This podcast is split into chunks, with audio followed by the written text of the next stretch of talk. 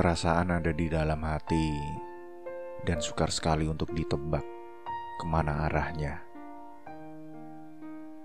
Bisa jadi kemarin kamu adalah seseorang yang kuat, tegar menghadapi setiap cobaan, berdiri kokoh bagai karang.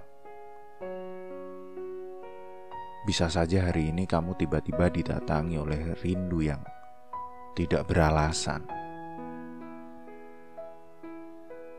Biasanya jenis rindu yang seperti ini cenderung membawa akan perasaan takut kehilangan yang berlebihan. Kalau sudah seperti ini, maka tidak ada jalan lain kecuali pertemuan Namun keadaan memaksa kamu dan aku lagi-lagi untuk memendam. Menyimpannya ke dalam celengan yang mungkin saja suatu saat nanti bisa bersama kita pecahkan.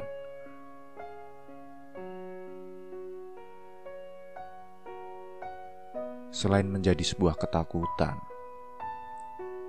rindu juga sering berubah menjadi kecemas-cemasan bahkan di saat tidurku yang sedikit, dia sering kali menjadi mimpi yang menggigit, yang siap sedia mengacaukan segala pertahanan yang aku bangun untuk mencegah jarak menghancurkan. Menenangkan diri jadi satu-satunya solusi, sebab jika aku bisa tenang maka aku bisa mengendalikan rindu yang tidak perlu ditanyakan lagi, malah justru melukai. Maaf bila hampir setiap hari aku mengatakan rindu hingga mungkin kamu bosan. Aku hanya ingin dengan cepat mengungkapkan agar di hatiku tidak ada lagi beban.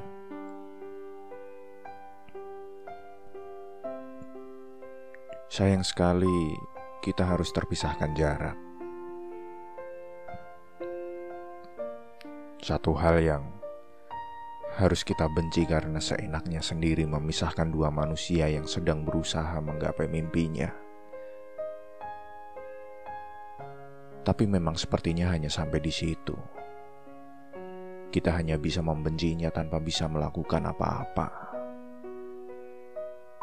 Aku tidak bisa ke sana menemuimu sekarang juga. Aku harus menunggu setelah selesai semua urusanku, atau setidaknya ketika rindu sudah meluap dan membanjiri seluruh mata dan pipiku.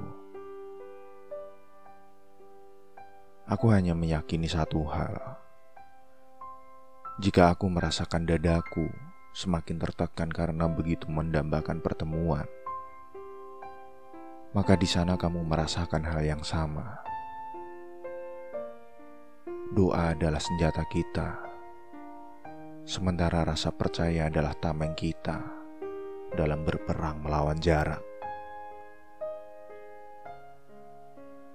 Untuk saat ini, tidak masalah kita babak belur dihajar rindu dan kawan-kawannya.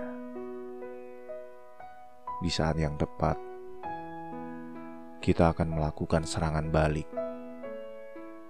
Kita hancurkan jarak yang membentang ini lewat sebuah pertemuan.